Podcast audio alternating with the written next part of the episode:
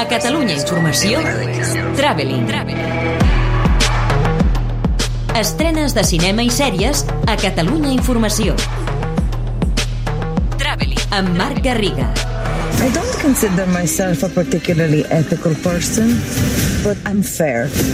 Tot el que Ridley Scott havia guanyat amb l'último duelo ho ha perdut amb la casa Gucci. L'estrena estrella de la setmana l'envia al pou de l'avorriment. 157 minuts per explicar com la família Gucci es va desintegrar col·lapsada per les enveges, la corrupció, la incompetència i, sobretot, l'arribada d'un element desestabilitzador. Patrizia Reggiani, la dona de Maurizio Gucci, de classe treballadora, ambiciosa i insaciable. La dona que corromp un món d'homes tot i ser la més competent de tots. Lady Gaga s'hi esforça, però el paper la supera. Adam Driver és l'únic que es manté més o menys ferm, com el pilar que aguanta la tempesta, i Al Pacino i Jeremy Irons disfruten caricaturitzant els seus personatges. I més enllà, més enllà se situa Jared Leto, en un festival de la sobreactuació que només aconsegueix expulsar el públic de la trama.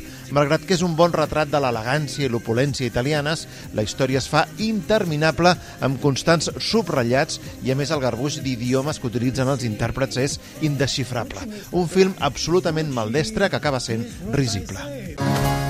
Many years ago, this candle blessed our family with a miracle.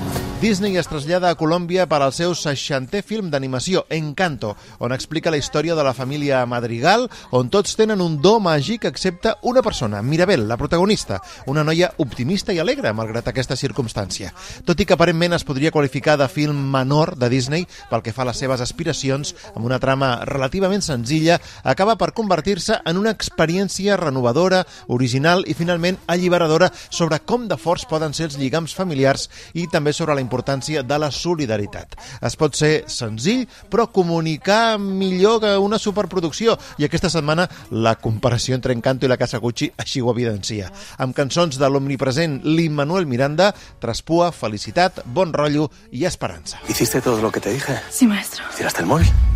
Manuel Martín Cuenca presenta un thriller sobre la maternitat, La hija, amb dos grans, Javier Gutiérrez i Patricia López Arnaiz, i on posa el focus en uns personatges, podríem dir, comuns, que cometen una atrocitat pensant-se que la injustícia es legitima. Muchas veces las víctimas se convierten en los peores verdugos en otras circunstancias. Pero como están legitimados por su dolor, por lo que han sentido, por la injusticia, por lo que se ha hecho, se levantan contra esa injusticia.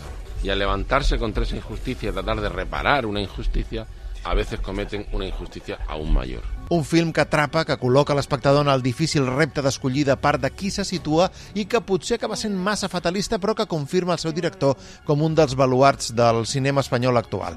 Una altra de les estrenes té un punt de partida similar, la islandesa Lamb, amb un matrimoni que tampoc pot tenir fills i que pren decisions qüestionables per aconseguir-ho. Aquesta història màgica surrealista, igualment atractiva i captivadora, es van dur el Premi a la millor pel·lícula al Festival de Sitges. Every story has a beginning. Completen la cartellera la preqüela de la franquícia Resident Evil, Bienvenidos a Raccoon City, una cinta de zombis irregular, dues pel·lícules experimentals que estan entre el millor de l'any, Magaluf Ghost Town i Espíritu Sagrado, i una cinta infantil en versió catalana, Ratolins i guineus, una amistat d'un altre món.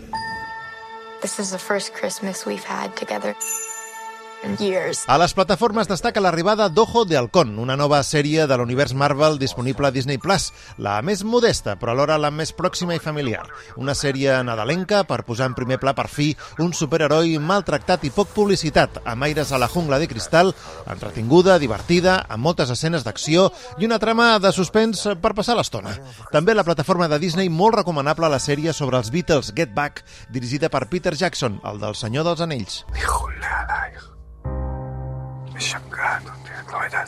Una altra sèrie destacada és la franco-israeliana Possessions, a Filmin, set episodis d'una trama que enganxa des de la primera escena on una dona mata suposadament el seu marit enmig del seu casament i que, a banda d'endinsar-se en els personatges de les famílies implicades, retrata amb cruesa el tracte que reben alguns estrangers a Israel.